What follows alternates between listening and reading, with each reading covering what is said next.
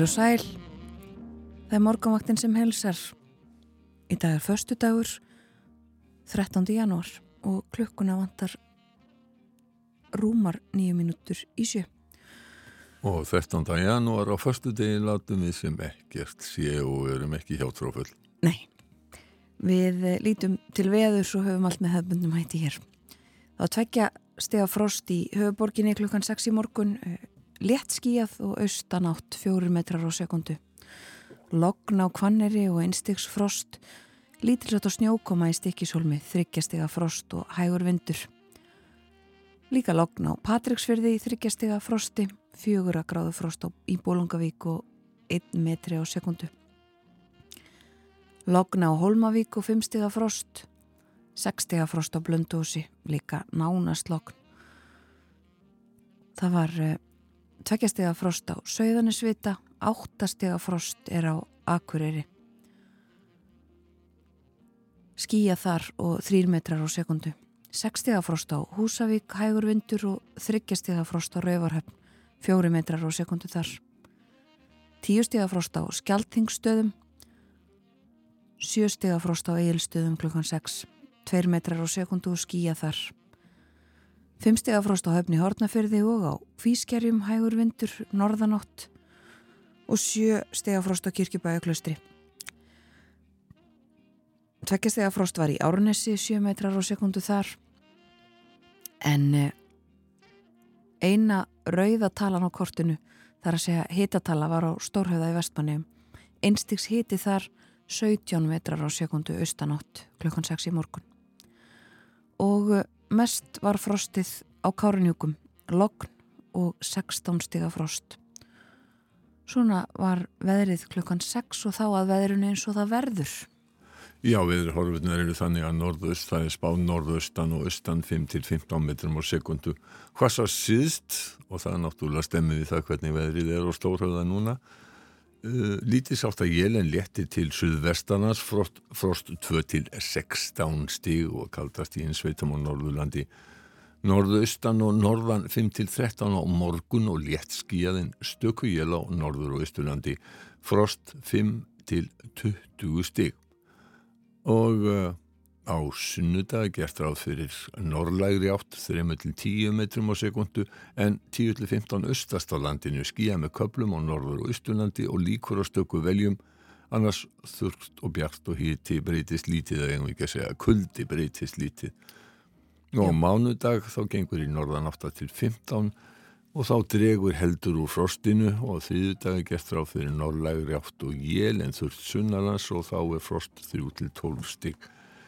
Þannig að það er frost í kortunum uh, næstu daga en á fymtudag í næstu viku þá segir uh, á síðu viðstofunar suðaustlæg átt eða breytileg og rigning eða slitta víðamland og myllt í veðri. Já, margir sem býða þess í færðinni eins og hún hefur verið Já. en það er einmitt hálka eða hálka blettir á uh, fjölmörgum leiðum um allt land það er svona uh, víðast hvar nema þar sem það er snjóþekja en uh, ekki mikið um lokaða vegi af þessum sökum eins og staðinni núna. Það minnst okkast ekki samkvæmt tilkynningum frá vegagerðinni en við fylgjumstu auðvitað áfram með þessu þegar líður á morgunin og segjum fréttir af uh, ef að einhverjar eru.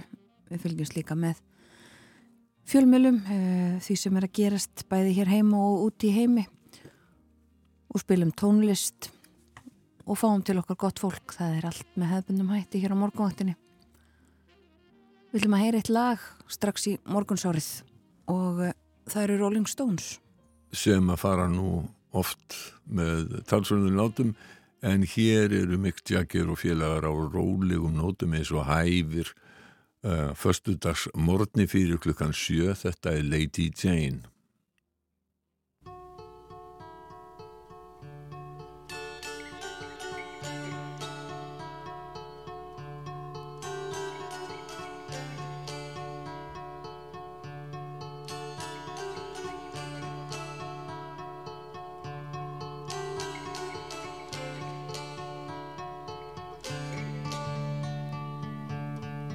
My sweet Lady Jane.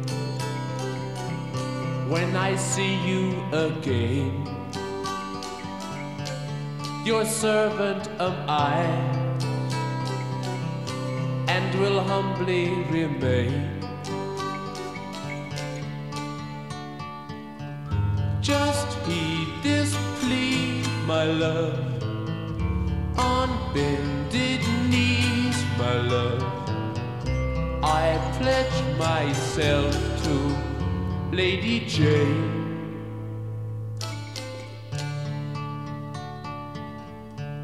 My dear Lady Anne, I've done what I can. I must take my leave, for promised I am.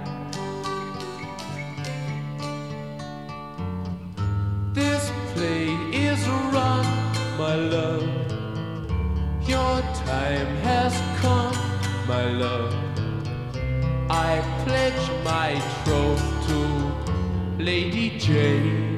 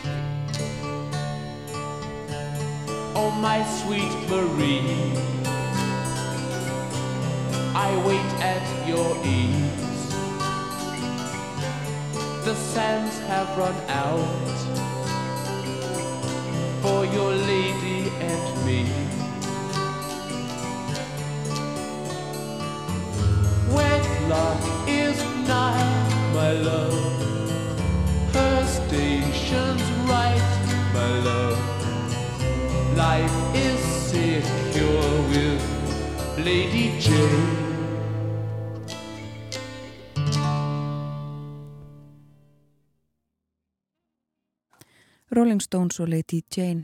Og uh, nú leipum við frettastofunni að. Það líður á morgunfrettum klukkan sjö. Svo snúum við aftur hér á morgunvaktinni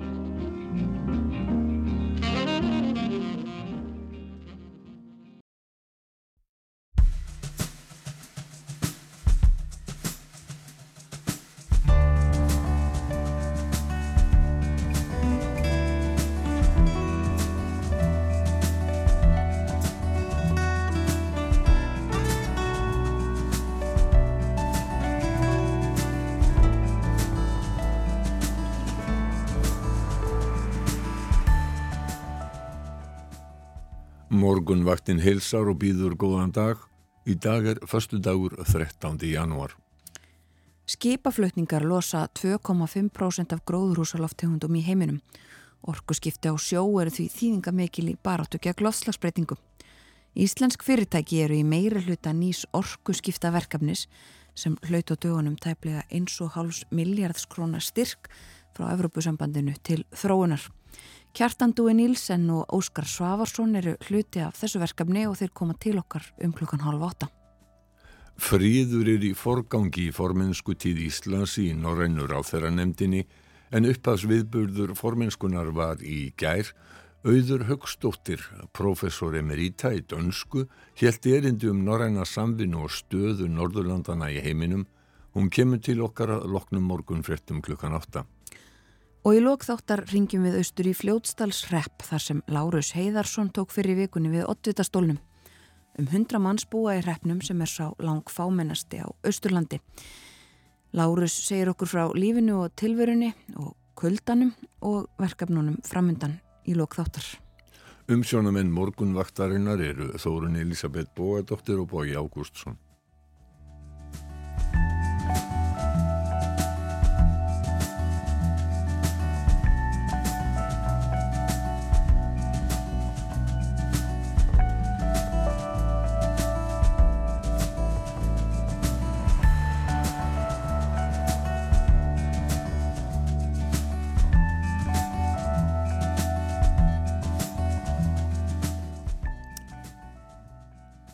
Ég sagði að Lárus Heðarsson myndi segja okkur frá kuldanum. Það er kaldast á Östurlandi og svona inn til landsins frostið í dag á bylunu 2-16 stíg og ennþá kaldar á morgun að 20 stígum. En horfurnar í dag eru þannig að það verða norðaustan og austan 5-15 metrar á sekundu, kvassast síðst á landinu.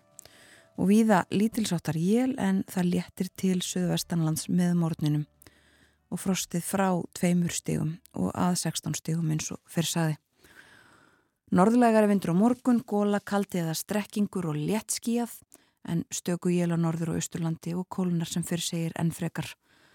Áframhaldandi kuldi svo í kortunum á sunnudag, norðlega átt, yfirleitt þurft.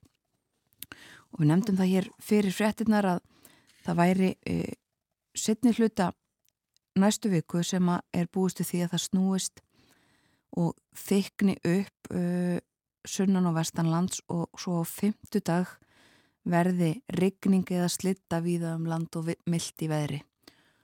Og uh, það greipa hérna aðeins niður í líka uh, vefin blika.is sem að Einar Sveinbjörnsson veðurfræðingur heldur úti. Hann uh, settir inn færslu veðurspána í gær og einmitt sagði yngar markverðar breytingar. Það ætlar að dragast að fá hinga til lands myllt og rakt loft ættaður suðvestri. Alvöru suðaustan slagviðri með hláku. Læðirnar eru til staðar, segir hann, en þær eru kraftminni og liggja sunnar eh, og þannig hefur það verið allt frá því byrjun desember. En eh, hann segir líka að eh, það eru einhverjar horfur á því að það verði alveg úrkomi löst Suðvestanlands, jafnvel þó að eh, spáinn gefi til kynna eh, einhverja úrkomi. Gamli snjórin ekkit á förum, segir hann. Og það er hægt að kynna sér þetta. Og það hvað veldur uh, betur en á vef blika. En uh, aðeins í blöðin um, Það eru þau tíðindi að það er nýtt íslenskt blad sem að eh, er að koma út í fyrsta skipti. Og það er uh, í kjálfar sameiningar kjarnans og stundarinnar og þetta nýja blað og nýji fjölmiðl hefur fengið nafnið heimildin og er já, kemur út í fyrsta sinn í dag á fórsíðunni þar ímislegt uh, en meðal annars uh, og aðal fréttin er af uh, leigumarkaðinum. Það er rauninni annarsvegar umfjöllin og, og viðtöl við fólk á leigumarkaði á, íbúðum á vegum ölmu leigufélags og svo úttækt á því félagi og eigandum þess Það er aðalfrettin á, á fórsíðunni þessu fyrsta tölublaði heimildarinnar. En uh, svo er það blöðin sem að, uh, eru aðeins eldri. Morgumblaðið uh, er með mynd á fórsíðunni af handbóltalandsliðinu. Kemur ekki óvart. Kemur ekki óvart og í bakgrunni sérst, sjást úrslitinn. Þetta fór 30-26 fyrir Íslandi gegn Portugal spennandi leikur og skemmtilegur og uh, Já, var reynar ekki fyrir ná síðustu mínúndunum sem að úrslitinn réðust og það sé fjóra marka segur þá, þá var þetta miklu nöymara Akkurat og uh, á fórsíu fréttablaðsins emitt líka mynd af handbóltanum og þar er það Bjarki Már Elísson sem er í forgrunni. Hann uh, var valin maður leiksins skoraði nýju mörk held ég. Mm. En sérfræðingarnir í EM-stofinu voru nú ekki á því endilega að hann hefði átt að vera maður leiksins, hann hefði oft spilað betur en látum það líka millir hluta. Ég ætla ekki að fara að leggja móta á það. Þeir hafa aðeins meira að vita á þessu heldur en við. Já, en uh, að minnstakosti góðuleikur, mikilvægur sigur, eins og segir uh, í myndatekstum hér Svo er það kjaramálin, uh, ólík kjaramál á, á, á báðum fórsíðum þessar að tvekja blada. Ekkert launa það kjá verkfræðingum er fyrirsögnin í fórsíðu frétti á morgumblæðinu og það er sem sagt uh, verkfræðingafélag Íslands sem að samti fyrir jól uh, og hveður á um 6,75% launahækkun um fjöldinnsvist og úttekt á þessum, um, þessum samnings samning afsækið og uh, Á fórsíu fréttablaðsins rættu Solveig og Önnu Jónsdóttur forman eblingar sem að gaggrinni ríkisáttasemjara segir að ebling hafi verið svift samningsrétti, stjætta, anduð og neikvægt viðþorf til láleuna hvenna ráði þar fyrr. Um, hún segir líka að það svíði að starfsgreinasambandið standi ekki með lálein og konum. Þetta er sem sagt uh, stóra fórsýðufréttin þar. Svo fjallaðum uh, endurgreðslur kvikmyndageranum á fórsýðu morgunblæsins líka. Uh, það voru endurgreðtir 3,4 miljardar króna í fyrra vegna kostnæðar við kvikmyndaframleðslu hér á landi. Þetta var metár, sem sagt. Mm -hmm. um, lítum þá aðeins út í heim. Já, við skulum byrja á Írlandi. Iris Times segir að samninga með Európusambansins og breyta keppis nú viðan á samkómulagi um framkvæmt Brexit samkómulagsins og loka þáttur viðrænana geti hugsanlega hafist í næstu viku. Blaðið sagði fyrir vikunni og við sagðum frá því líka að afstæðastjórnar Rissi Súnaks í Breitlandi sé allt önnur og sáttfúsari en þegar að Boris Johnson eða Liz Truss voru fórsættisráþra. Bæði ríkistjórnir Írlands og Breitlands leggja verulega áherslu á að telja samband sinn á Norður Írlandi á að styðja uh, samkomlag en það er meðalans hörðanstað DUP-flokksins uh, sem hefur verið þrándur í götu samkomlags Líó Varadkar, Tísokk eða fórsættisráþara Írlands var í Belfast í gær og hitti litóaflokk á Norður Írlandi en hann vildi ekki tala um neinn tímamörk í samningaveðranum. Eh, svo er gert ráð fyrir því að James Cleverly, utanrikiðsráþara Breitlands og Maros Sefcovic eh, sem er samningamadur og frangvöldastjóri Evropasambansins, þeir hittist eftir helgina til þess að eh, já, hugsanlega um, undrýta eitthvað samkómulag um, um, um viðraðuna, það er ekki gert ráð fyrir því að það er þeim ljúki á þeim tíma. Uh, Breskublöðin er ekki með fréttur um þetta á forsýðum en Guardian segir þó að Jeffrey Donaldson leiðtói DUP á Norður Írlandi sambandsina flokksinn sem er stærstu þar sé ekki bjart síðan á löst sem á flokkur hans geti sætt sér við. Guardian hefur einnig eftir David Jones sem er í Harlínu Brexit-armi breska íhalsflokksins að uh, hann uh, telji að uh, það sé vonlust að ná viðunandi samkommulagi við Európa-sambandið og framkvæmt Brexit-samningsins. Guardian segir einnig frá því að miljardamæringurinn Kristoffer Harmborn sem að eh, var mikill brexit sinni og gaf uh, miljóni punta til baráttunar fyrir úrsöknu breyta en býr nú raunar sjálfur í Tælandi að hann hafi gefið Boris Johnson fyrirvinandi fórsættisráð þegar eina miljón punta og um, þetta er á, á fórsýðin hjá þeim. Pólitíkin í Danmörku segir að fórsýningstíl sínu sem er ofnverð eftirlýststofnun, kannski eins konar vellagsstofnun, telja gróði orkuflutningsfyrirtækja sér allt og mikill og þau eigi að lækka álækningu. Og það má einnig sjá í fréttum frá Nóri í gær, þar eh, var hækkun á verði matvara í Nóri í fyrra nokkuð meir en almenn hækkun vöruvers og eh, Þess vegna vilja norsk stjórnvöld skoða sérstaklega ástæðunar og forstjóra síastæstu vestlunarkæðja og, Norri voru kallaðir að funda ráð þeirra til þess að útskýra þetta mál. Mm, Mörgælend blöð þára meðal New York Times eru með sömu frétt og við vorum með í okkar fréttum klukkan sjö fyrst að vísindamenn Olíurísans Exxon Mobil hafi spáð fyrir, því, eh, spáð fyrir um áhrif jarðefna elsneitis á lofslægi þegar á áttunda áratug síðustu aldar. Þetta er tilvittnun í rannsók sem að byrtist í nýjasta hefti vísinda tímaritsins Science. Nú aftur að handbóttanum, dagins nýhettir í Svíþjóði með stóra mynd af Jim, Jim Gottfridsson sem skoraði sex mörg fyrir sænska landsliði opnunuleik þeirra á móti Brasilia á HM í Svíþjóð, uh, Svíjar unnu þann leik. Danir fjöldluðu sömulegis ítalega um HM í gæri en þeir byrja ekki, þeir hef ekki leik fyrir í dag. Um, Global Times í Kína er með stóra fyrirsögnum að fleiri hagvísar bendi til þess að efnagaslífið í Kína sé að ná sér hratt, verðbólga mingi og verðlag sér stöðut. Þess verður raunar að geta að bladið er málpípa stjórnvalda í Kína og ekki gefið fyrir að flytja mikið af neikvæðum fréttum af kínvöskum málefnum. Jerusalem Post er með frétt af fórsýðum að 39% bandarískra gýðinga telja sér hotlari Ísraels ríki en bandaríkjanum. En bandaríkin eru næst á dagskrá hjá okkur í tónlistinni sá góði maður Glenn Miller með Moonlight Serenade.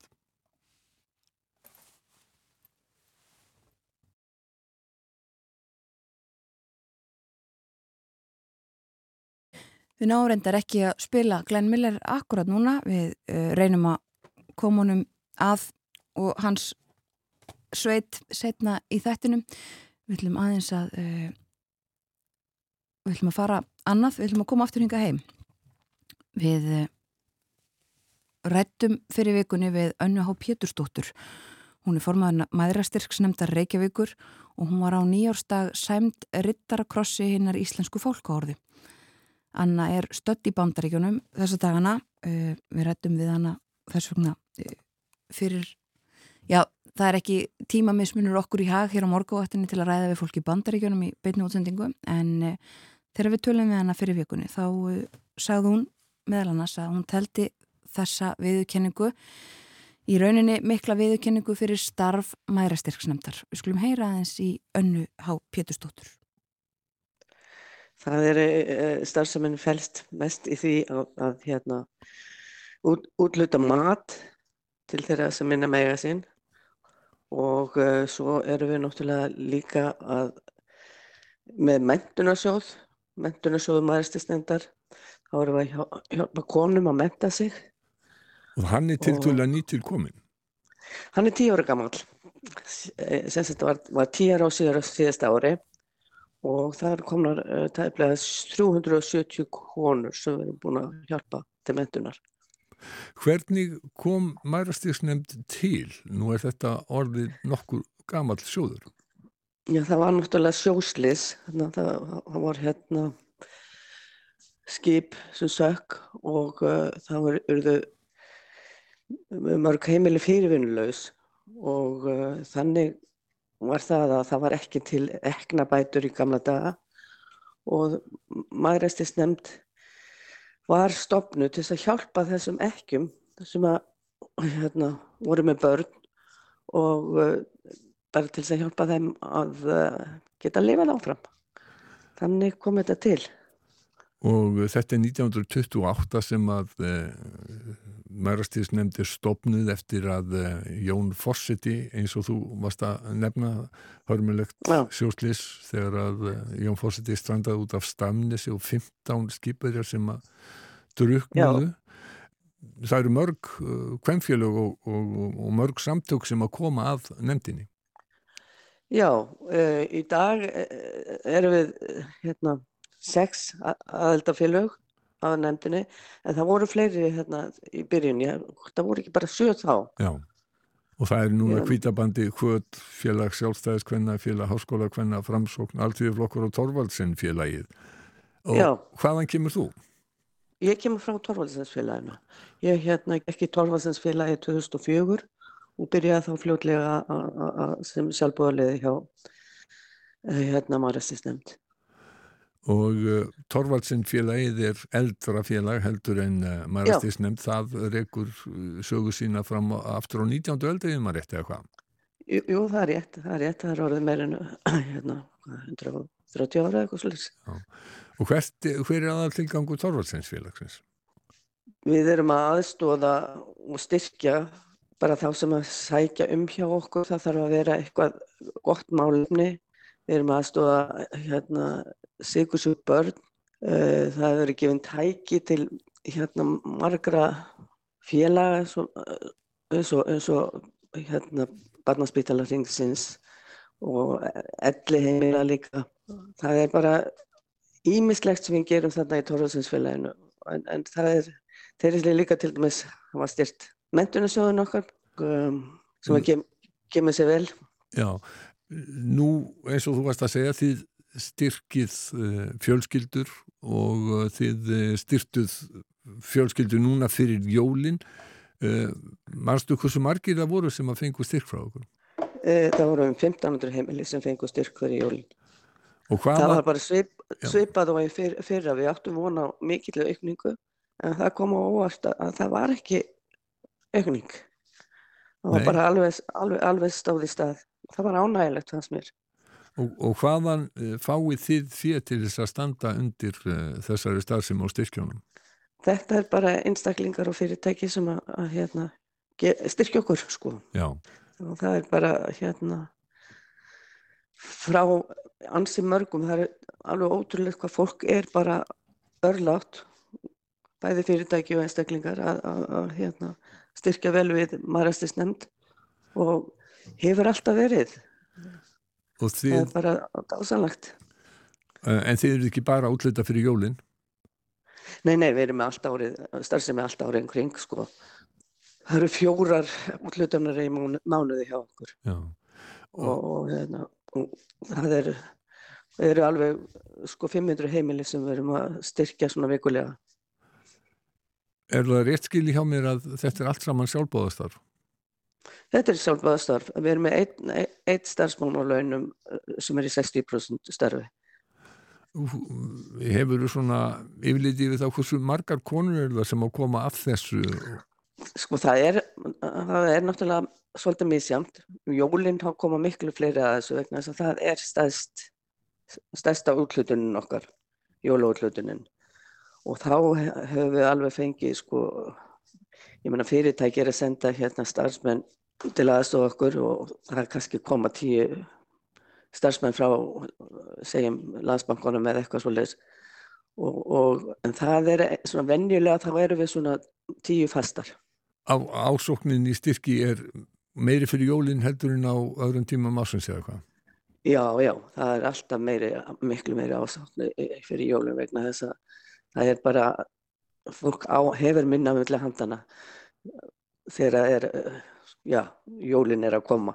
Og svo erum við líka, við erum líka með jólagjörð fyrir börnin og, og, og, og ímislegt svona sem að, sem að er náttúrulega bara hjálpar mjög mikið hérna fyrir þá sem að er, hafa lítið á milli handana að geta fengið já, aðstofið að gefa börnunum sinni jólagjafir og fengið mat, jólamatinn hjá okkur. Þannig að það er, það er svona, þetta er svona, myndi ég segja svona, mesta átæki hjá okkur er þetta í kringum jólinn. En, en hitt er bara svona eins og við gerum venjulega bara dagstælega. Er eh, starf nefndarinnar almennt þekkt meðal Íslendinga? Ég, ég myndi segja það já, en það er samt verið að rugl- rugla okkur saman við já, önnur hjálpast uh, samtök. En uh, svona, já, ég myndi segja að flestir viti hvað maður er styrstnefndur ekki ykkur er. Við erum að gera góða hluti, við erum að hjálpa þeim sem að þurfa að því að halda og það er bara nöðsilegt að einhver gerir það. Meina við hjálpum uh, hérna, fólki sem á hvergi heima og uh, bara útigangsfólki og öllum sem þeirra þetta fólk er allt velkomið til okkar og síðan erum við að hjálpa öryrkjum og svo bara heimilum við leitt. En þetta er ekki landssamtök, þetta er maðurastýrsnefnd Reykjavíkur. Það eru aðrar maðurastýrsnefndir annars stáður á landinu eða hvað? Já, og það er ekkert samstarf. Nei, þetta er ekki landssamtök. Þetta, þetta er ekkert samstarf og ég held til dæmis að við erum náttúrulega stærstar og elstar. Það var fyrstu samtökin sem voru stofnuð. Við erum með starfsemi allt árið og, og, og, og þá er þetta aðeins öðruvísi. Ég veit að til dæmis að Hafnafjörður er bara með fyrir, held ég sé rétt hjá mér, fyrir jólin og hvort þeir eru með eitthvað fyrir uh, fermingarnar, ég manna ekki. En það er ekkert samstarf þannig ég get ekki svo sem verið að segja frá öðrum nefndum neitt. Mér finnst bara mjög mikilvægt að, fá viðurkenningu á því að við erum að gera góða hluti og að, að hérna, það sé fólk þarna úti sem þarf að- aðstóð og það verður alltaf eitthvað fólk sem, sem mun ekki geta bjarga sér ekki, sem að fyrir út á spórunu eða eitthvað og það er bara gott að geta þá allavega að fengi mat hjá okkur eða, eða eða hvað sem það er. Við já, gerum meira heldur en bara að gefa mat. Við erum með fermingastyrki líka, við erum með hérna, aðstofum hérna, sumar, begreðin sumarnámskeið fyrir börnin eða bara námskeið fyrir börn. Hjálpum með það líka og svona, ímislegt annað sem við getum gert. Þannig að þetta er ekki bara, bara það að gefa mat sko. Og hvernig ber fólk sér að við að sækja um styrkja? Heyrðu, Það bara kemur til okkar. Og Það hvar er er, og er starfseminn? Við erum í hátunni 12, það er öryrkjabandalagshúsinu og hérna erum þar á næstu hæðinni. Og það er hérna mjög auðvelt að komast að hjá okkur og, en það þurfa náttúrulega allir að sína fram á það þurfa aðstöðun og alltaf. Anna Pettersdóttir, kærar þakkir fyrir spjallið. og uh, þetta var spjall við önnu Pétursdóttur við eh, fáum hingað til okkur eftir stöðustund Óskar Svavarsson, hann er stopnandi fyrirtækisins Sidewind og Kjartandúi Nílsen sem er verkefnastjóru nýsköpunar hjá Verkís. Þeir koma hérna til okkar og segja okkur frá uh, verkefni sem að uh, þeir eru hluti af sem að hluti á dögunum 1,4 miljardar króna í styrk til fjögur ára frá Evrópusambandinu til þess að þróa uh, verkefni um orkuskipti og nýsköpun og sjó. Og þetta byggir á þessu Sidewind fyrirtæki sem að Óskar er annar stopnandin að. Þú maður fáið til að segja okkur frá því verkefni og uh, þessu öllu saman hvað er framundan og uh, hvað ætlaði þeir að gera og þau. Það er uh, þannig að skipaflutningar losa 2,5% gróðrúsaloftegunda þannig að það er til mikils að vinna að vinna að orgu skiptum á sjó.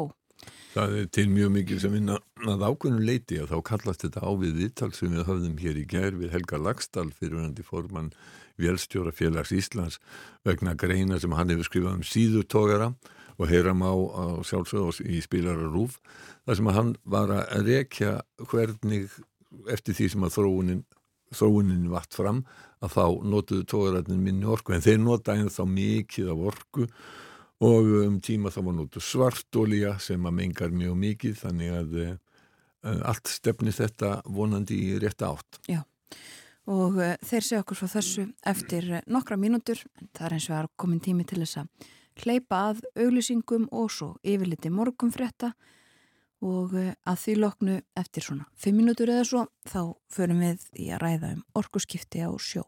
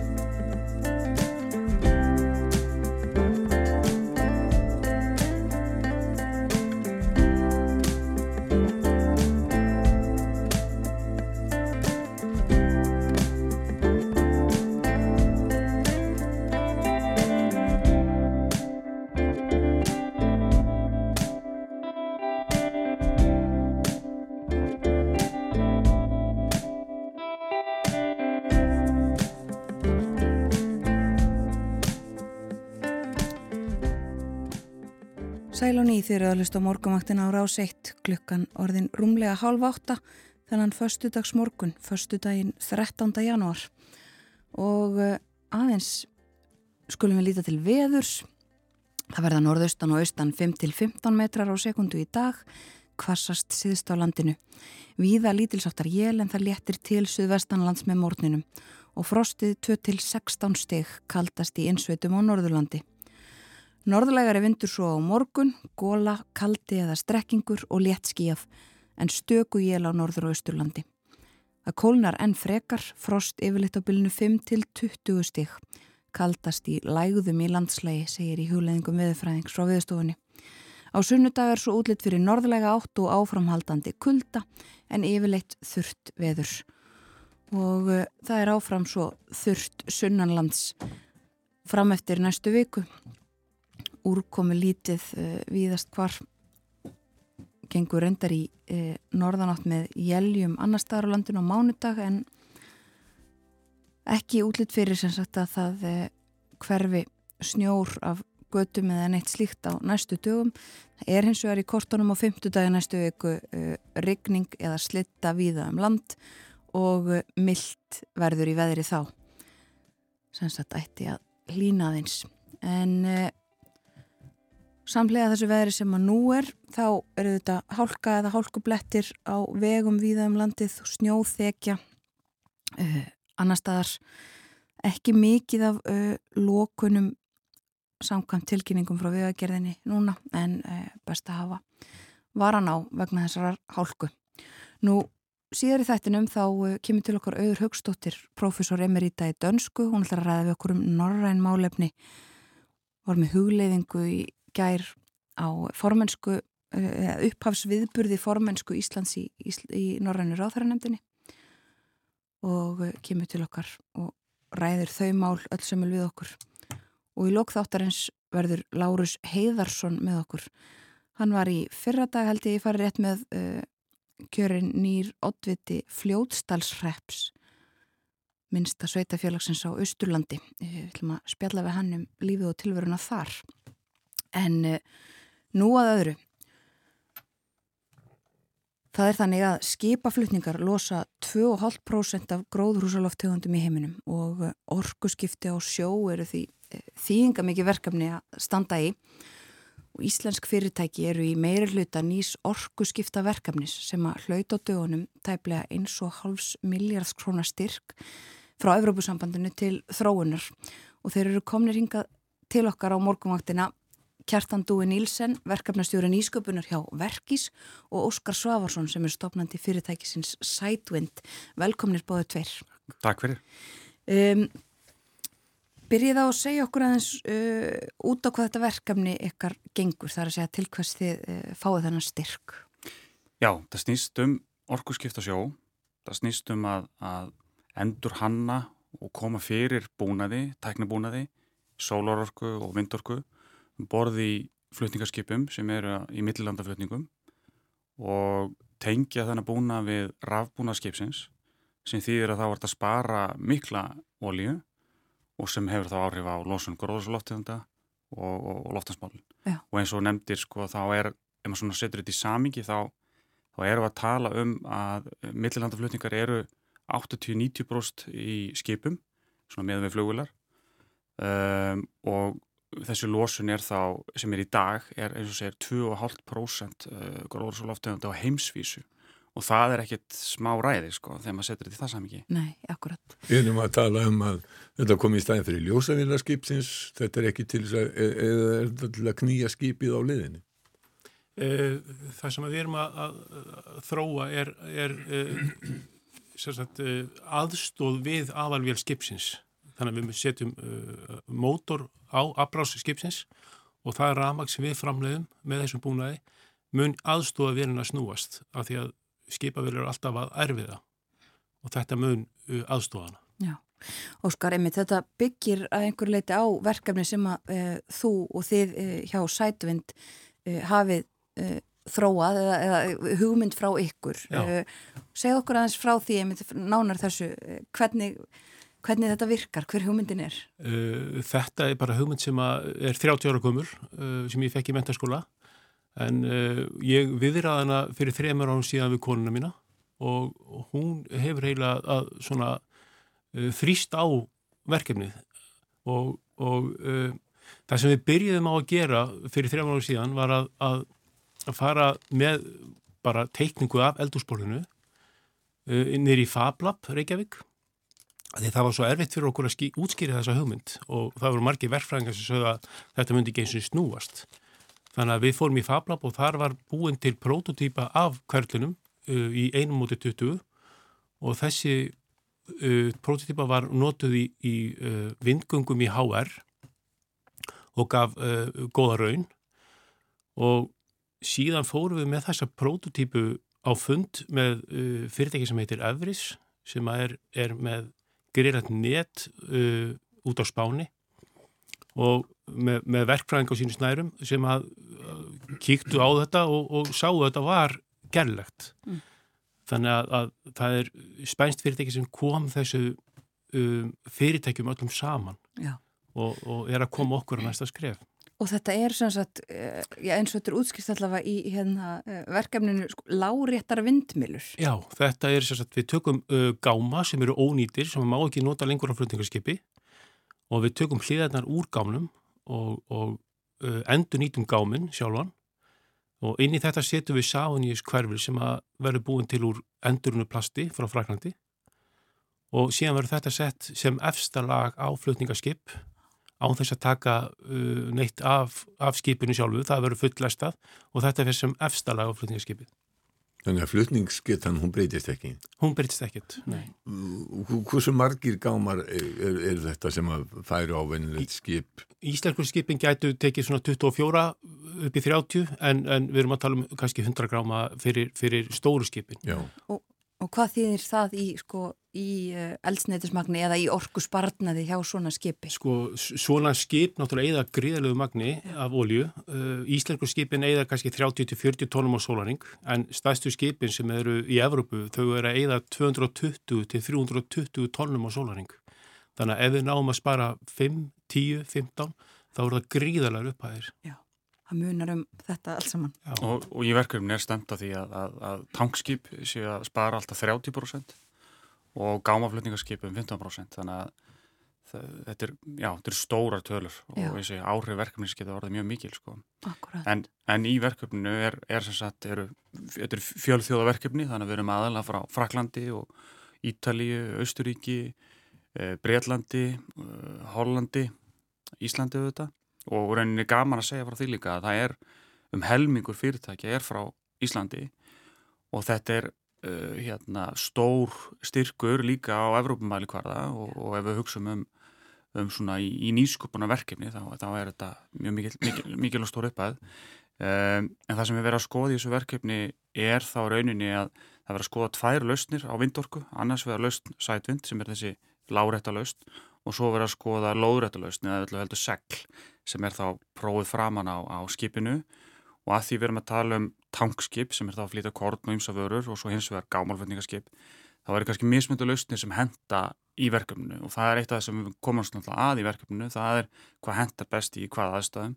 Og þá múið gera ráð fyrir að, að sólarsellur sem, sem verða sólarpanela sem verða hluti af því sem verður prófað í verkefninu, franskir aðala sem er þar á bakvið að það verði eitthvað sem verði meiri nótkun kannski á þessum tankskipum sem eru með stóra hlera allir svo opna og loka og mikið flatamál sem skiptir máli í sólorkunni um, ehm, og hins vegar er kannski líka þessi, þessi segl sem er þá, þá framann á skipinu Já. eða allavega í þessu verkefni verða prófaði fremst skipinu uh, en hins vegar í gamaflutningunum verða löst sætvind og, og, og reyndar er verið að skoða það líka samspil uh, sólororku og, og vindorku í þeirri löst Já. Svona ákveðinu leitið hann má segja að þetta sé aftur hvart til fortíða því að það er ekki fyrir á 19. öld sem að skipir og knúinu öðru heldur en bara hreitni vindorku. Já, við notum náttúrulega vindorkunu líka uh, á gufuskipunum okkar mm. og það er bara mjög stutt síðan við hættum að nota vindin. Já. Það var ekki fyrir að olja var mjög ódýr, þá hættum við að hugsa um vindin. En við erum, náttúrulega, sko, það voru vindmilur um alla Evrópu, í Hollandi var ekkert nema vindmilur, síðan hættu við á tímabili en eru komið með þetta aftur. Já, akkurat. Já, þannig að þetta eru svona nokkur... Uh, nokkur verkefni eða svona, já, sem að verða prófuð í þessu stóra mm -hmm. stóra sameinlega verkefni uh, og það er, svo er það líka uh, sko að geima ramagnið. Akkurat. Það er einu hluti af þessu laust, það er að, að, að eins og ég saði upp af raunin að það er þetta mismunandi tækninjungar já, sem er verið að prófa í verkefninu og þetta er tækni sem er kannski komin það búið að prófa hana áður og það er kannski eitt sem er í þessu að þetta er verkefni sem getur haft áhrif strax eða allavega innan líftíma verkefni sem strax í kjölfarið þetta er ekki grunn rannsóknarverkefni það sem margt er ólist í upphafið, það er margt vitað Já. og við rauninni er verið að prófa þennan búnað og gera hann ennþá betri eh, til dæmis í tilvili sætund er það, það spaðanir, það verið að breyta þeim og málmi yfir í trefjaplast, það sem lettir það búnaðin og það er ímislegt annað sem, sem er í þessu sem er gerða verkum að, að, að við erum svona miða því að koma svo markað og það er hérna bara í lokverkefnisins og það er náttúrulega markmið að hafa áhrifurinn strax og það er að því að þarf ekki að að hérna, það er enda hluti af þessu verkefni líka svona endur hönnun, algjörlega grunn endur hönnun á skipi en af því þetta er þessu komið fyrir því núverðandi skipaflota þá eru áhrifin líka verða þau strax af því að það tekur langa, langan tíma að skipta út uh, flutningarskipum. Já, auðvitað. Og þú segir um þetta á, á líftíma verkefnisins, uh, það er fjögur ára, er það ekki? Jú, passar. Já. Og, og hvar þá einmitt þá verða maður að spurja bara þetta er svona staðan eins og hún er núna og það sem þau eruð að fara í en hvar sjáu þið þetta þá einmitt eftir þessi fjögur ár? Jú, einhverjar lausnir verða komnar af stað en svona í stóru myndinni, Hva, hvernig sjáu þið þetta fyrir ykkur þá? Þetta er náttúrulega mun spara alla framtíður orkugjafa líka. Uh, ef að menn taka ákveðum það að fara í vettni, þá sparar þú bara vettni líka og, og við þurfum að, að, að breyta til og það vettni sem verður notað í skipaflótanum þarf að vera búið til með grænu lausnum, annars uh, eignast vettnið sitt kólminspor ef þú framleiði vettnið með brúnkólum þá, þá eignastu það kólminspor þannig að þetta getur spara alla framtíður orkugjafa. Og þarna ertu bara með fría orku uh, hliðar vindana af skipinu og nýtir það bara niður í vilanum Nú getur maður veltið fyrir sér uh, Óskar, hugmynd sem að fæðist já við eldhúsborðið um, hvað fyrir þeimur og síðan þegar þú, já þú að vísu hefur gengið með þetta í, í magana miklu lengur en þú orðað þetta við konaðina fyrir þeimur árum mm.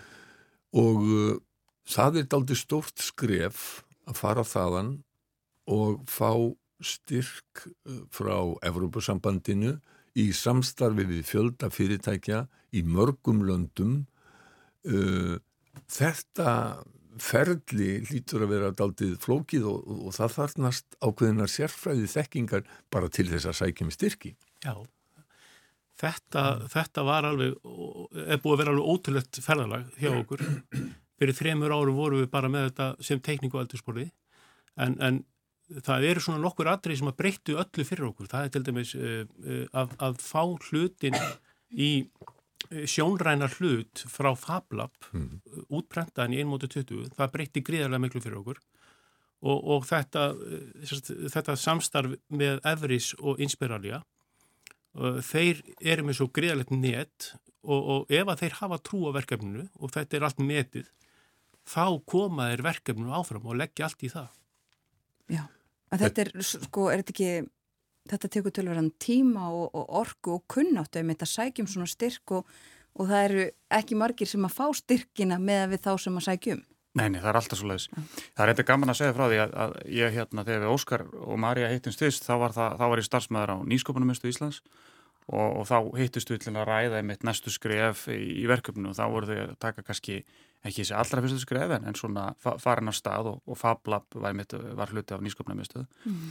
en, en þetta er eins og þú segir sko það þarf sérstakka þekkingu til að koma slutum áfram og uh, Evris eh, stóð sér gríðarlega vel í því að setja upp þetta verkefni, það er tæklinga flókið og þarna sérkonandi að gera þetta uh, og þetta skrifa textan ákveðin átt og, og, svona, selja hugmyndinu og hafa hana mjög skýra þegar þú ert að gera þetta sko. mm. en, en svona sko það eru þessu, þessu fyrirtæki sem eru og það er einmitt frábært sko eins og ég segja það líka á þann að það eru, það er cirka helmingur fyrirtækjana íslensk og við erum með fyrirtæki sem er aðtikli sem er að sjá um kynningamálinn inn í verkefninu, heimasíðan og kynningamálinn almennt og við erum með BPA Fjölko sem er að sjá um svona lögfræðileg e, málefni. E, við erum með samskip sem er þá að lána skipin sín e, og við erum með sætund auðvitað og svo erum við hjá Verkís og, og svona við hjá Verkís erum þá rauninni Í grunninn var hugsunni svo að við værum að sjá um engungu um uh, loftapfræðilegar hermanir á hverlinum frá sætvind og svo um, uh, sjá um hérna, lífsferðisgræningar en svo rauninni bættist það við í, í samningavirðan við Evrópasamtið, það var ákveðin breyting í eina verkefnisins og, og þá hérna í samningavirðan við Evrópasamtið var okkur bóðið að taka okkur tæknilega verkefnistjónun sem á þessu stað í upphæfu þar sem hefði verið að að setja upp öll þessi kerfi, hvernig funkar það saman og allt það. Og svo hérna heldar uh, verkefnistjórnun verkefnisins. Og það er, við erum mjög stolt af því, það er ekki sjálfgefið og við höfum að fara gegnum síu þar og, og, og hérna og stóðumst auðvitað þá prófraun en, en, en hérna það er mjög, það er ekki mörg engafyrirtæki sem eru í í því að leiða svona stóra Evrópverkefni. Þetta er oftast ofnbyrjaðalar, halvofnbyrjaðalar. Já, og þú einmitt eins og segir, eh, ert hjá verkís, verkefnistjóru nýsköpunar. Er verkís mikið í slíku, eh, slíkum verkefnum? Ég get alveg sagt að við erum ekki hverjum degi að landa 1,4 miljóna verkefni en, en já, já, við erum uh, mikið að hugsa um, um sjálfbærtimál, við erum að hugsa um, um nýsköpun og orkusskipti á samt auðvitað öðrum þáttum og þetta eru þetta eru svona fókusatriði sem við viljum ytta ennþá betur. Um, þannig að Mér langar aðeins að spyrja ykkur í lókin að við sleppum ykkur, uh, Kjartan Óskar, að því að uh, eins og þú nefndir, Kjartan, þá kemur þú frá, eða varst hjá nýsköpunar miðstu og þeir eru báðir svona í þessum nýsköpunar geira uh, og minnst þið, þið talið svolítið þannig eins og það hafi orðið til mjög mikil þekking líka bara hér á landi og, og hérna, mér langar að byrja ykkur að segja okkur bara aðeins í lókin svona frá þessu nýsköpunar umhverfi núna hér á Íslandi. sko Ég er kannski á sama tíma, ég dóttir aðeins út úr því að vera ja. í þessu þjónustu að veita þjónustur þannig að það sé komið til mín. Mm -hmm. um, ég, sko, það var nú reyndar sínu tíma þegar nýskopnum mistu var loka, þá var ég talsmaður starfsmanna til þess að benda ákveðin atriði varandi það sem betur mætti fara eða eftir að varast við lokununa. Ég held að þessi ákveðin svona, hérna, ákveðin atrið þar sem eru óbreytt ennþá. Það er að segja að þjónusta við uh, frumkvöla uh, og sprótafyrirtæki á algjöru frumstígi um, er eitthvað sem þarf að vera til staðar og held að verði að vera reygin af ofnbæra geranum vegna þess að í fæstum tilvökum eru enga fyrirtæki geta síðan með þetta mm. einfallega vegna þess að þau eðlilega geta ekki verið að sinna öllum, öllum fyrirtækjum þau verða að sína hagnað en þetta er enga fyrirtæki og, og þá detta út fyrirtæki, sérstaklega tæknifyrirtæki sem þurfa langan tíma Já. í þróun. Þetta er kannski meira þannig að, að fyrirtæki sem eru svona app heiminum, tæknifyrirtæki, svona tölvu, tölvutengt fyrirtæki, að þau, það sem eru með stittri tíma, þau kannski ráða betur við þetta en það er hérna ákveðin skortur á, á stöðningi frá ofnbörðalum. Og það hefur eftir að uh, nýsköpunum mistuðu lögðu niður þá kom ekki til stæðin? ekki eins og það var og ekki með nóg góðum hætti en ég ætla ekki fullar en eitt, ég er ekki kannski alveg, ég er bara að hugsa um já. verkís núna og, sem, og innri ferla þar mm. og, og hvernig við getum unnvita út af við en, en svona, þetta er svona mín skinnjun, já En að vera með svona, já, nýsköpunarverkefni á Íslandi, það er eins og að vera lítið barn, maður vaknar grenjand á nótunni en þetta hefur verið náttúrulega óbúslega erfitt en við höfum sapnað saman óbúslega góðu fólki þess að aðstofa okkur í þessu. Mm. Og ef maður er með góða hugmynd þá, þá, þá uh, sko hlutinni fara ekki að gerast fyrir að þið fara að snúast. Þannig að, að, að hérna, já, við höfum verið mjög heppin í þessu umhverju Magaverkirnir, eh, tantökuverkirnir og erðnabólgunar eru kannski búna núna og barnið ekki grátandi í að mikið það var. Nei, það, það er búið að taka tennur. En má ég aðeins örstut í lokin, þetta er fjórar á verkefni segiði, hvað tekur svo við? Já, bara ég myndi segja að kjölfa eða lókverkjuminsins þá verður sætvind ekki þetta litla fyrirtæki sem eru, það voru vandala fyrirtæki sem voru áðan stærra, allan hefur meiri markasmöguleika.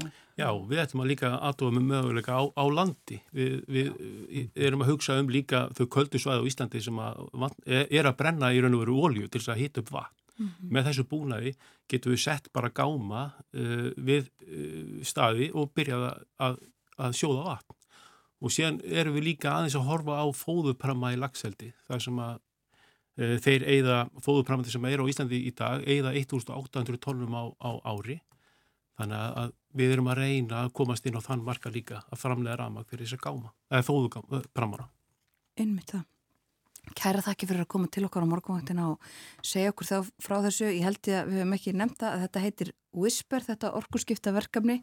Eh, Kjartan Dúi Nílsen, verkefnistjóra nýsköpunar hjá Verkís og Óskar Svávarsson, stofnandi fyrirtækisins Sidewind. Kæra þakki fyrir kominu. Takk fyrir kjalla.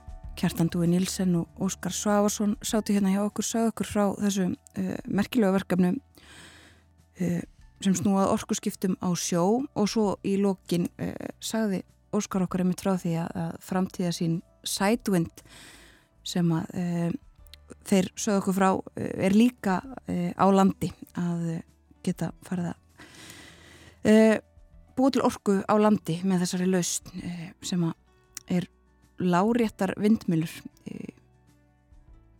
og uh, það líður að fréttum hjá okkur. Það eru sjö mínútur í þær uh, rétt tæpar og þegar þeim er lokið þá förum við hérðan og ekki mjög langt, við ætlum að ræðum Norðurlöndin.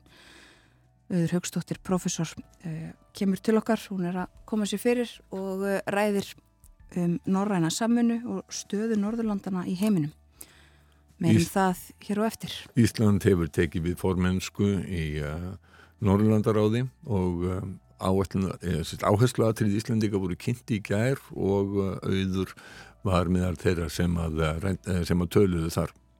En nú hleypum við fréttastofunni að fyrst nokkrum auglýsingum og snúum svo aftur hér á morgunvaktinni.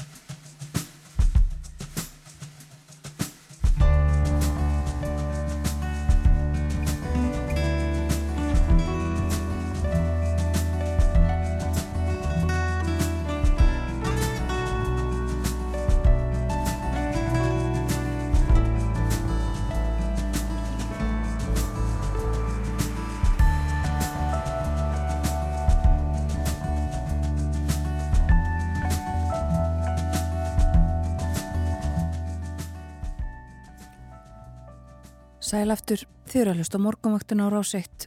Klukkan er tæpar 6 mínútur gengin í nýju. Það er förstu dagur í dag, 13. janúar.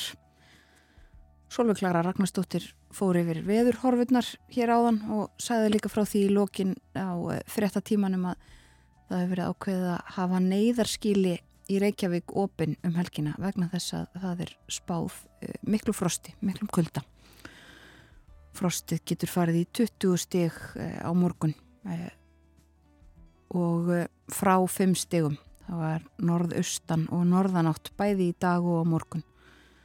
Ekki útlut fyrir að veðrið breytist mjög mikið þegar það dregur úr frosti á mánudag en verður samt töluvert. Það er á fymtudagi næstu viku sem að gert er ráð fyrir rigningu eða slittu víða um land og þá verði mildt í veðri. Við rættum hér fyrir fréttinnar við uh, þá Kjartan Dúi Nílsen og Óskar Svavarsson. Þau sögðu okkur frá nýsköpunarverkefni sem að snýrað uh, orkuskiptum á sjó. Verkefni sem hefur hlotið uh, háan styrk frá Európusambandinu til fjögur ára til þess að þróa bæði láréttar vindmilur og rafknúin segl til þess að veita skipum orku, bæði tankskipum og, og flutningaskipum.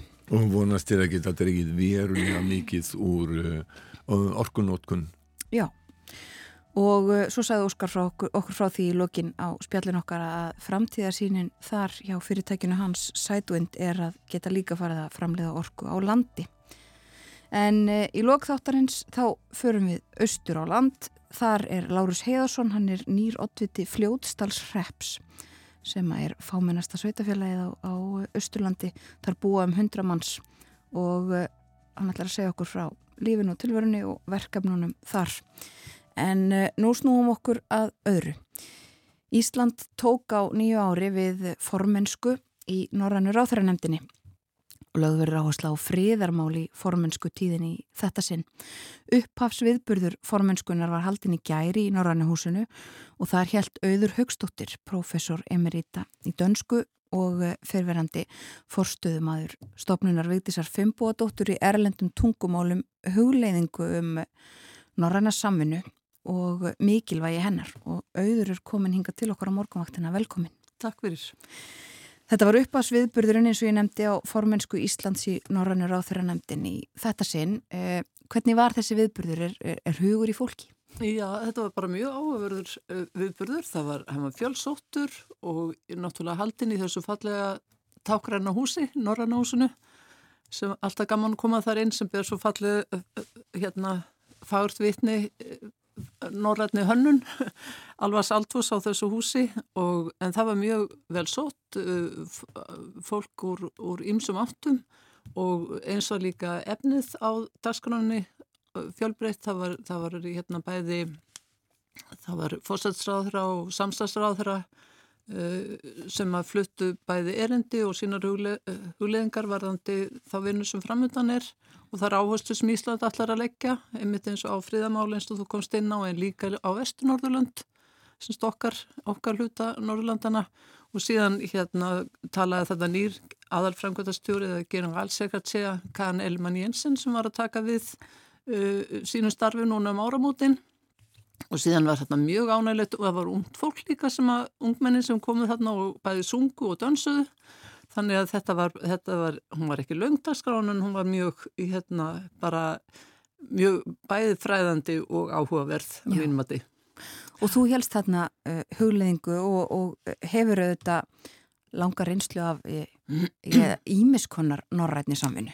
Já, ég er náttúrulega uh, ég einmitt uh, hérna fjallaði nú aðeins þetta um þetta í gærum um málasamstarfið. Ég náttúrulega var sjálfst hérna kennari lengi og kendi dönsku í bæði, kend dönsku allum skólastegum og uh, það er náttúrulega einn, það er auðvitað einn hliðin á Norrlanda samstarfinu, það er að, að halda þessum tengslum, menningar tengslum og tengslum við Norrlundin með því að, að læra tungunar eða komast í, í hérna geta, geta átt samtal gegnum hérna á Norðurlandamálum og, og ég syns að náttúrulega bara fyrsta lægil þá er náttúrulega mentaði mig sjálfi í dansku en danskan var líka líkill minn að bæði sænsku og, og norsku og um, það auðvitað stækkaði hérna jók möguleikana ansi mikið á, á hérna á því að bara geta lát, gert sér gildandi bæði hvað var það atvinnu og yminsonu tækifæri mm -hmm. og um, það var hérna, mér þótti það einmitt mjög áhugavert að, að geta til dæmis nýtt dönskuna til þess að, til þess að vera, ég var lengi leysugumæður og hérna og ferðast á bæði með Dani, hérna Dani, Normin og Svíja og ég hefur stundu færinga og grænlendinga og þá er náttúrulega danskan eru auðvitað líka tengi hérna líkill okkar að samskiptum við þá. Ja. þannig að hérna Það er sumið sem segja að eins og þú segir að danskan sé líkillin að hinnum tungumálunum að það sé skynsanlegt að læra dönsku vegna þess að hún sé erfiðust uh, norrænum tungumáluna. Já það er, það er náttúrulega bara þannig. Og hún framburðurinn er auðvitað svolítið hann er fjær heldur en til dæmis norski framburðurinn. Þannig að það má auðvitað segja það með því að læra með því að læra danskuna þá hérna fáum við með það tungumál sem mörgum reynist erfið, erfiðast.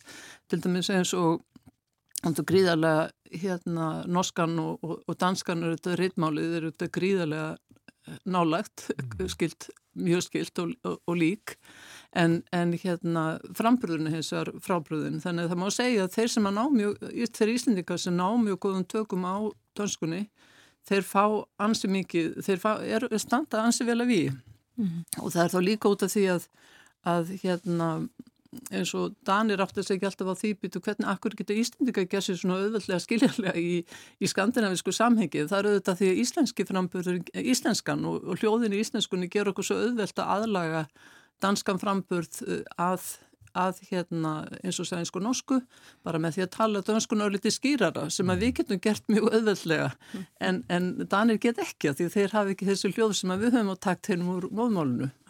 Uh, og sko þú hefur líka uh, og þú myndist á þarna áðana áhersla Íslands verði líka á vestur Norðurlönd Já, það kom fram í máli ráðherrana að, að, að hérna að aukfríðarmála þá verði það hérna þá er það Vesturnorðurland sem að, og það hefur auðvitað átt sér stað núna undan það nára tíu, mjög aukinn áhersla. Já, og þú hefur svolítið líka verið í, í einhverjum verkefnum í vest-norrænu samstarfi. Já, það, það var svolítið, hérna, þegar ég var fórstum að stopna Vitista Fimbóttur og við vorum undirbúa þess alþjóðlu tungumáluminstöð við Háskólu Íslands, að þá ákváðu við að hefja, svona leggja áhersluna fyrstu árin að mistkusti á Vesturnorðurlund, það er að segja tungumála stöðun á Vesturnorðurlundum. Sem eru þá Ísland? Það er þá Ísland, Færiar, Grænland og, og Vesturströnd Noregs og það er bara, það er alveg ó, óþrjótandi hérna,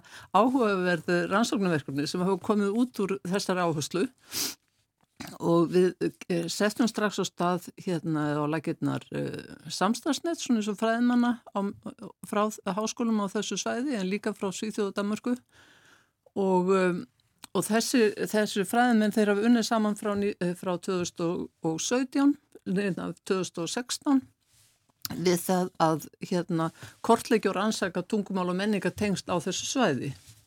Og það er, það er mjög áhugavert að til dæmis eins og að bæði íslenskan, færeiskan og norskan hérna, koma, kom, komast í tengstu dönskuna á, á svama tíma í, hérna, log, og, og það er, þetta er allt sem að norðan mál, mjög lík á, hérna, á þessu tíma en þróast með mjög ólíkum hætti. Og við höfum svona verið reyna áttukur á því hvað er það sem hefur gert það að verk, gerði það verkum til dæmis að, að normen til dæmis töpuði sínu rítmáli í samskiptunum við Dani en Íslendingar heldur sínu algjörlega. Einhvern tíman hefur, hef ég heyrt það að, það, að þýðing á Nýja testamentinu og biblíunni sem að kemur snemma á Íslandi eh, hafi þarna skipt skopum. Já, það, þýðingin á biblíunni skipti alveg gríðarlega miklu máli. Það er náttúrulega, kirkjan var svo öflug stofnun í samfélaginu og þetta gerði það náttúrulega verkum að börn lærið að lesa þá, þar með á móðumálinu og ymmislegt eh, fleira. Mm. En það, líka, það er líka mjög margir aðri þættir sem að koma inn. Það var líka bara íslenska lagabækur, að, íslensk lög sem að, hérna voru nótu hér og, og einhverju leiti vitund líka hjá Íslandingum um, um tunguna.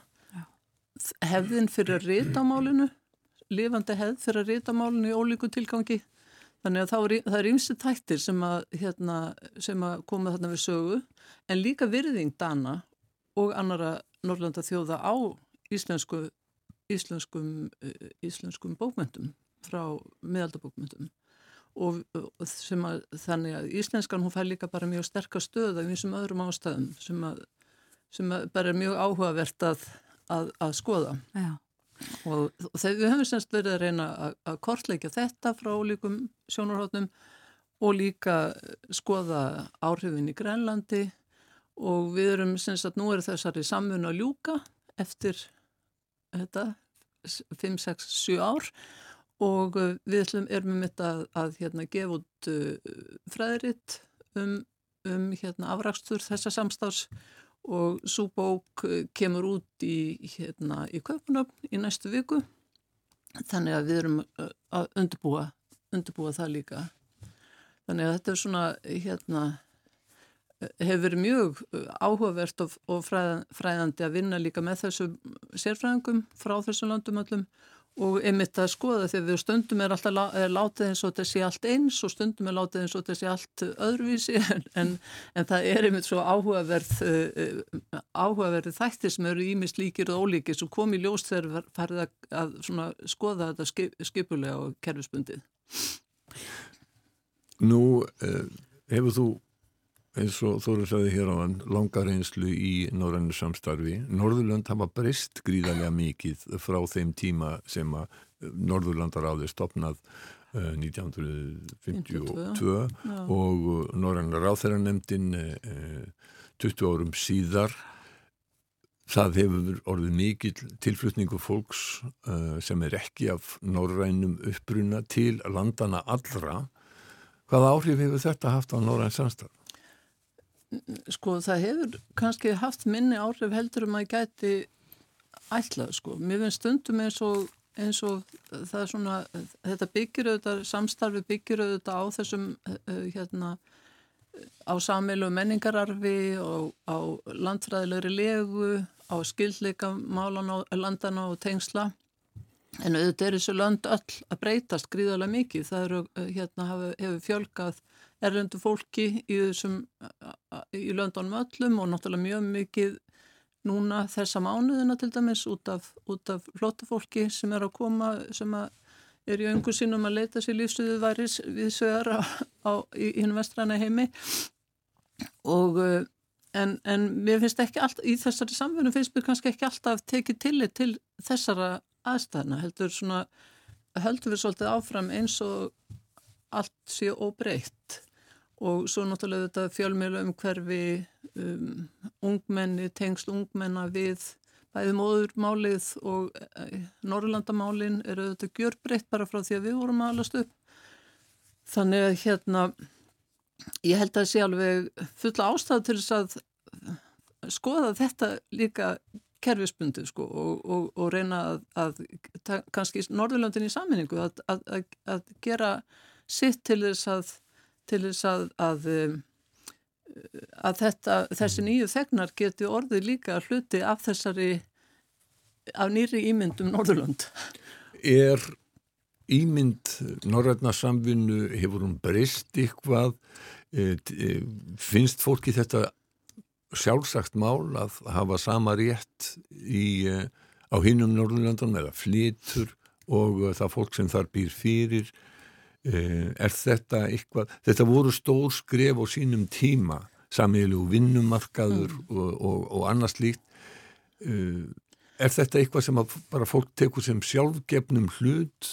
Sko ég held að það sé engi spurning að það fólk tekur í sig sjálf, sjálfgefnum hlut og þegar maður ræður við fólk sem utan, kemur utan þessa svæð eh, kemur utan þessa svæðis þá náttúrulega blasir við allt önum mynd og, og eitthvað sem við erum bara lítum á sem algjörlega sjálfsæðan hluti í okkar, eh, hérna, til dæmis þetta verum að ferðast hérna að milla þessar landa að það er, það er eins og einhver drauma staða hjá, hjá í hugum mjög margra annara fólk sem kemur annar staðar að heiminum. Ég finnst að, ég hef oft hugsað um það sko að Norrlöndin er, eh, hérna þessi Norrlanda samvinna, hún er svona uh, stofnanagerð í kjölfar stríðsins.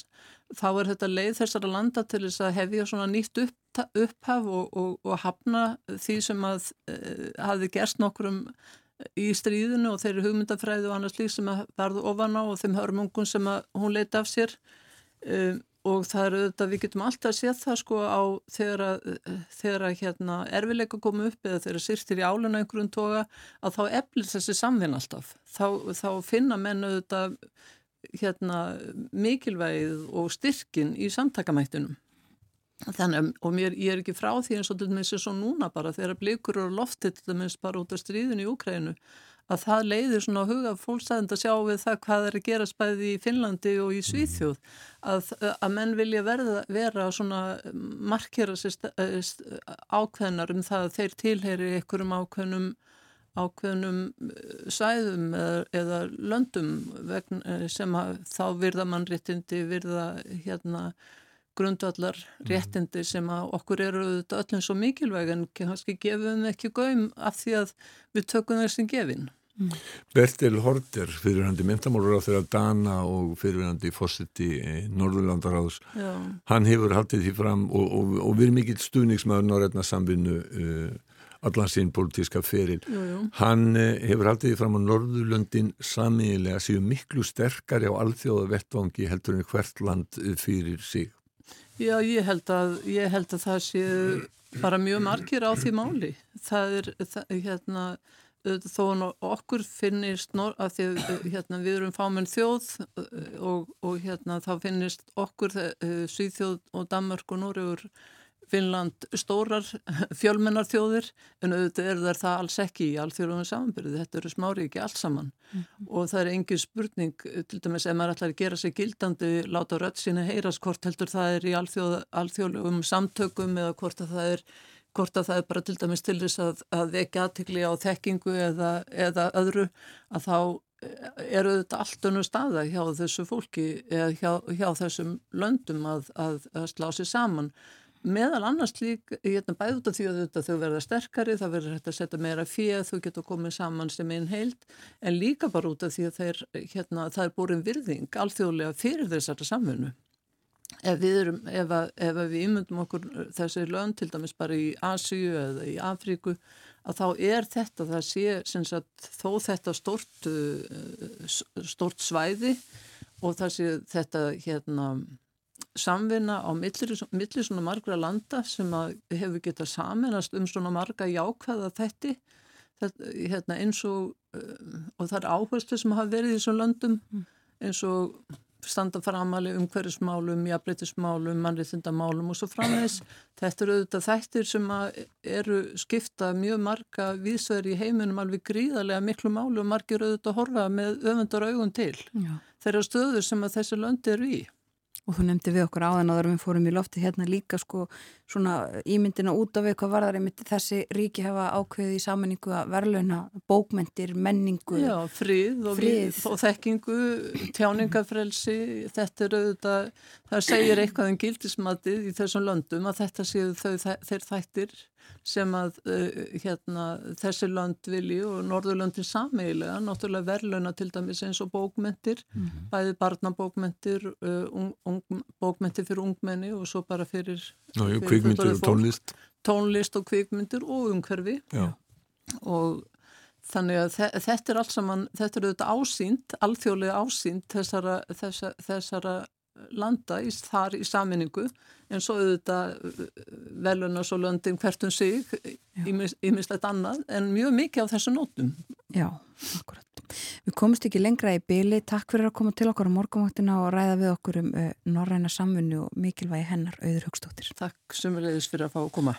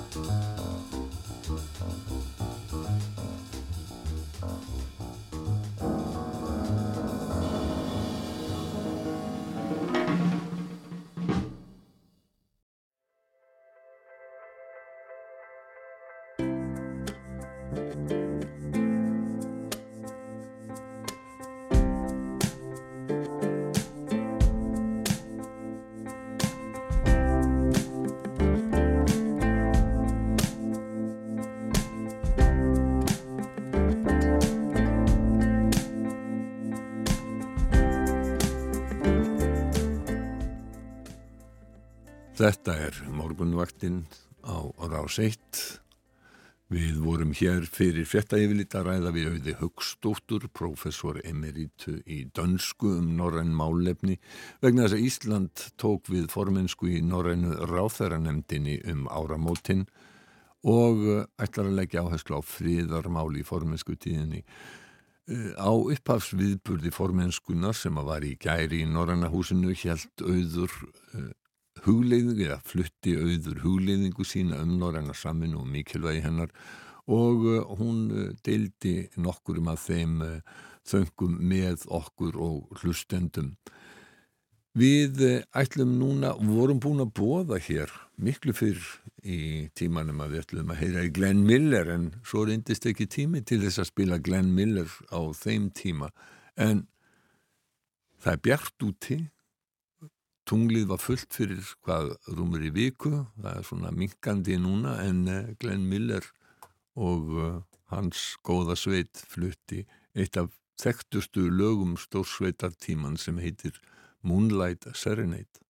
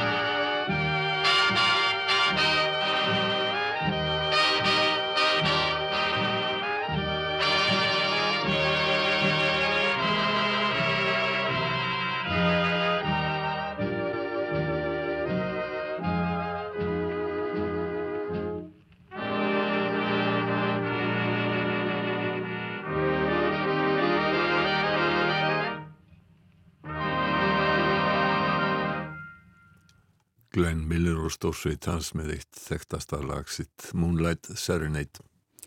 Og uh, nú erum við komin í samband uh, Östurland. Lárus Heiðarsson er uh, í símanum. Hann tók við fyrir í þessari viku Oddvita stólnum þar. Góðan dag, Lárus. Já, góðan daginn. Þú ert stattur auðvitað á heimaslóðum. Eh, hvernig viðrar hjá þér? Ég var að nefna það hér í morgun að það væri, eh, að hefði verið kaldast á landinu snemma í morgun á, á eh, þessum slóðum. Jú, það er nú, ég er nú búin að kíkja, kíkja út í morgun og ég býð nú svo, svo vel að ég er ekki með þetta hittamæli hérna heima hjá mér en, en það er eitthvað starf á byrjum 5-10 stöða frost og, og, og, og svona hálski að augnablikinu sínist mér. Já gæti nú orðið sól í dag en svona, já, það er, búin, það er hérna reyndar að þessi sveit þekkt fyrir mikla viðursveit Já. En þegar við, þú sagði mér það uh, það eru ekki sérstu sólar í svolítinn tíma núna en verið svona hæglatis viður samt. Já, það, já, það er búið að vera frekar skýja, skýja hérna og dumbúkur yfir bara meir og minna frá áramótum sko, ég, allavega það hefur ekki hérna hérna innsveitum á Íslandið hefur ekki sést mikið til sóla sko. Nei, einmitt. Að, en og eins og held ég bara á öllu hérna Ístur og Norðurlandi, ég það er búin að ganga á mig jælja gangi hérna bísna lengi. Akkurat, akkurat. En ekkit mál að komast um á vegunum? Nei, það, það, hérna, já, nei, það hefur ekki verið, jú, það hefur komið eftir, það hefur komið skaplar eftir, eftir vestu bylina en en að öðru leiti er þetta bara er greiðsart held ég þetta að fyrir allavega vana menn sko. Já. Og það eru kannski flestir vanir menn þarna á svæðinu, vanir því auðvitað að sækja þjónustu og, og fara þarna um. Já, já, það má eiginlega segja það að, að, hérna, hérna eru, eru vegar lengti langar og milli sveitafélag hérna þarf við vel þetta að fara yfir fjallvegi sko að, og það er náttúrulega verið krafa lengi hérna á Östurlandi að reyna að fjölka jargungum hérna í fjölgungum sko. Akkurat. Um, go, ég nefndi það hérna áðan að þú tókst við uh, sem ottviti í fljóðstalsreppi í þessari viku en uh, þú ert nú ekki ókunnugur störfum fyrir reppin, kemur ekki kaldur inn í þetta?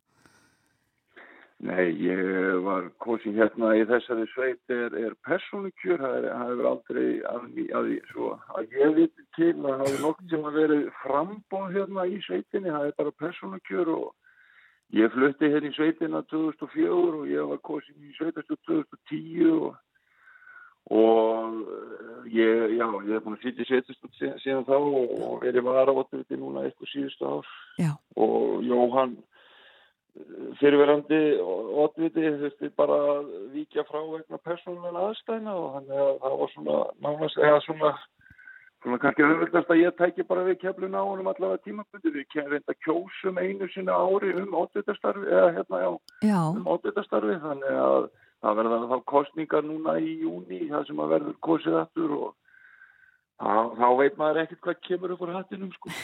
Nei, en hefur þú hugað á því að halda áfram í þessum störfum? Þá? Ég, þetta er nú ekkert, ég er nú í fullri vinnu, ég vinn vin hjá, vinn hérna sem sérfrækur á skórat ríkisins og Jú. ég er nú svo sem ekki, ég er nú ekki að kalla eftir meiri verkefnum en ég, ég segi, maður tekur bara í því sem maður eftir að manni og í svona litna samfélagum eins og sveitinni hérna, þá þurfa allir að hafa hlutverk, sko. Já. Þú nefnir það. Flest, flestir, ég hugsa flestir íbúar í sveitinni séu í einhverju nefndum eða, eða einhverju soliði sko. Þú, þú, þú nefnir lítil sveitarfélög uh, fljóstarreppur er minsta sveitarfélagið á Östurlandi, hvað sem margir búa?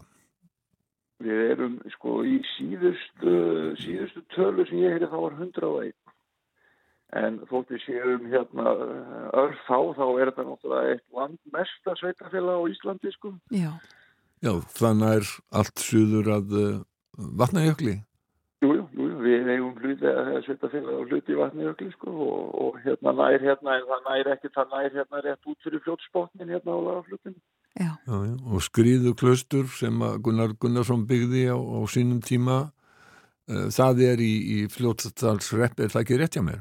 Jú, það er rétt hjá því, það er hérna við, við, hérna, við erum með þrjástof, eða það, það er náttúrulega vatnaði sjókar að það er líka hérna snæfellstofa Já.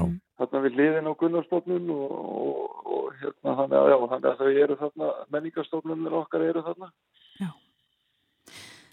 Og þá erum við kannski komin að því að ræða eins um, hérna, um verkefnin í hrefnum. Þú fóstu við það með, það eru allir, það gegna allir kannski einhverju hlutverki og þurfa allir bara að hjálpa stað við að halda hlutunum gangandi. En hver eru svona stóru verkefnin eh, til dæmis fyrir sveitastjórnina?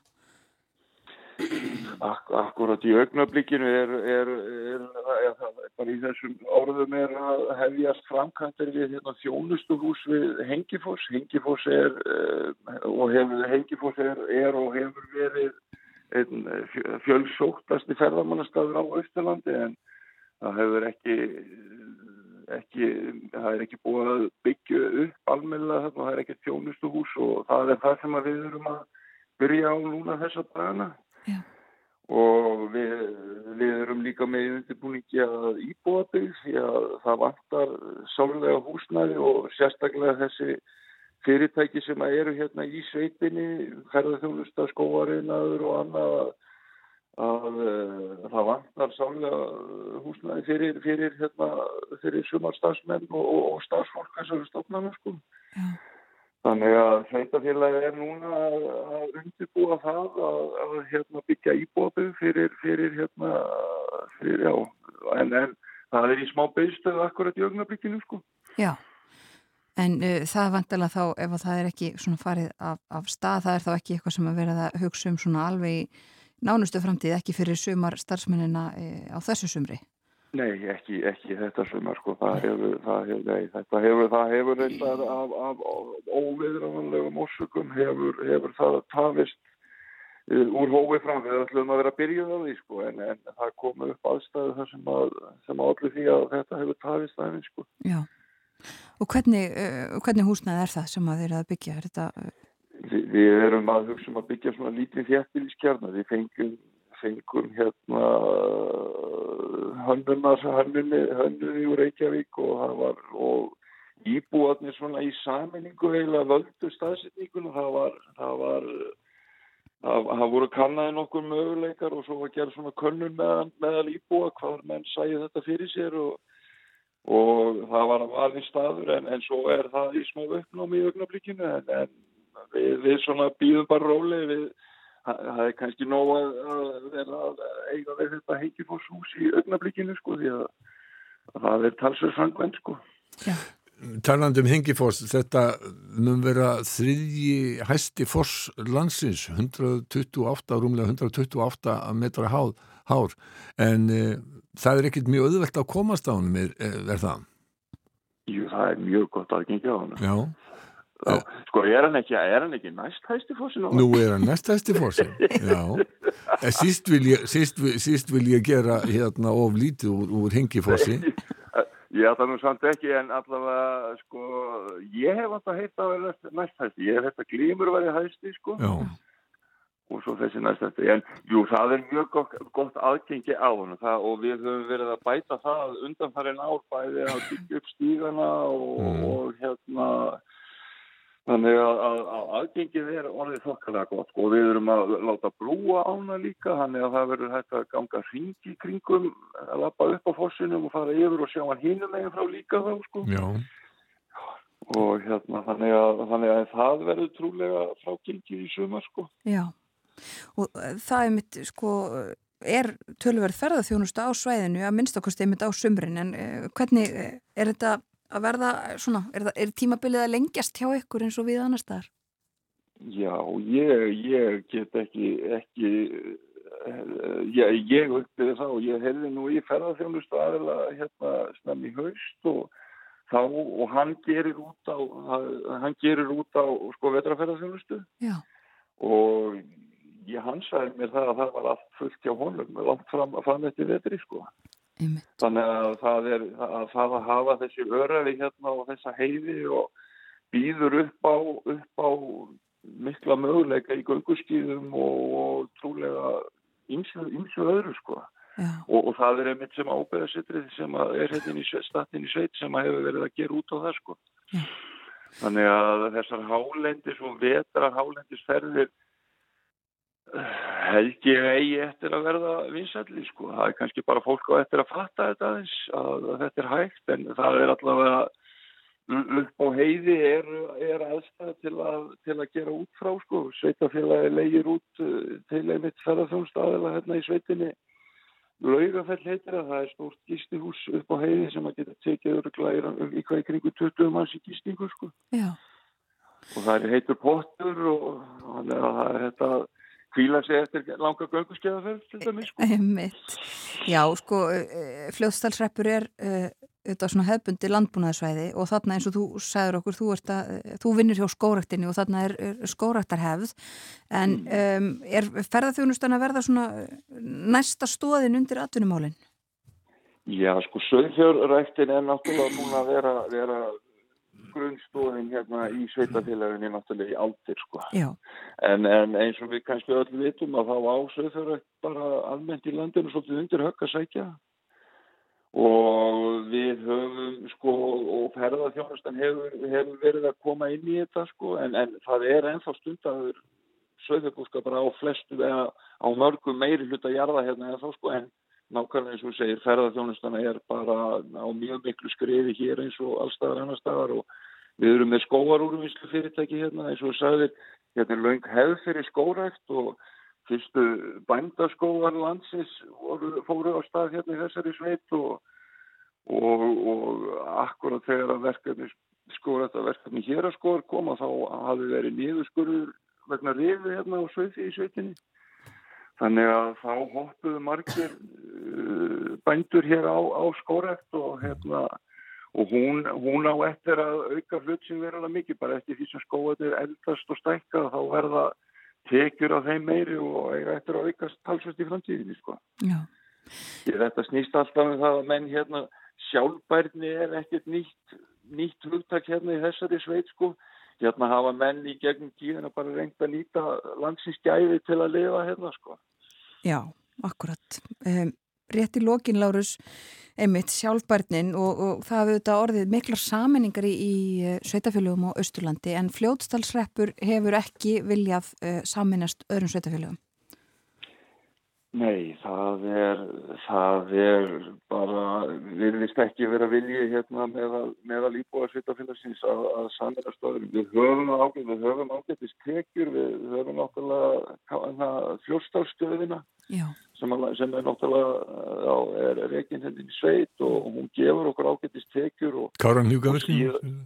Já, eða Kári, já, já, Káran Hjúkaverlónið er því að það er, já, það er hérna reyndar í öðru sveitafélagi en en hérna virkunin fastegnagjöldin renna okkur í skaut sko mm -hmm.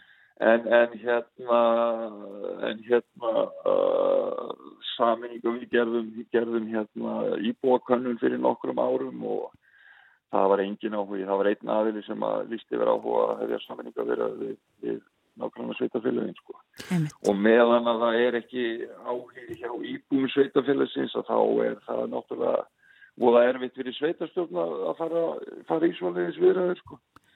Já. og alltaf við séum náttúrulega alltaf að, að, að hérna horfa í kringum okkur og það hefur nú verið reynd að setja lög til að þvinga fram saminningar en okkur, einhvern veginn hefur okkur tekist að halda okkur uh, halda okkur hérna sjálfstæði með þá allavega Lárus Heiðarsson, oddviti afar sjálfstæðra íbúa fljóttstallsreps kærar þakkir fyrir spjallið á þessum föstudagsmórni Takk sömulegis, ég er góðan dag. Sömulegis, takk.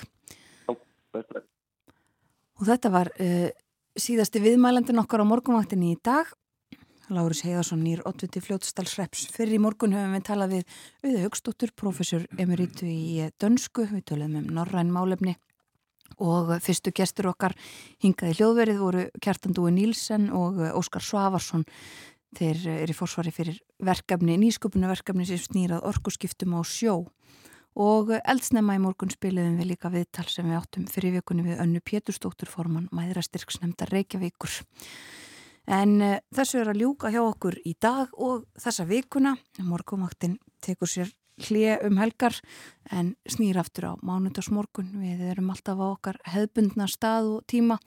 Bjóðum góðan dag þegar klukkunum vantar tíu mínútur í sjö um það byll Við þakkum samfélgina í dag og þessa vikuna og ljúkum þessu á lægi Já, og uh, Bói Ágúrsson þakka fyrir sig sem hefur fengið að vera hér uh, gestarstjórnandi þessa vikuna í stað Björnsþós uh, Sigbjörnssonar, afskaplega skemmtilegt að uh, fá að takast á við nýju verkefni. Við skulum ljúka þessu á Jethro Tull, Ian Andersson og hans flokki. Þetta er Búré og þeir kinkaði dáliti kolli til Johann Sebastian Bachs. Góð helgi og veriði sæl.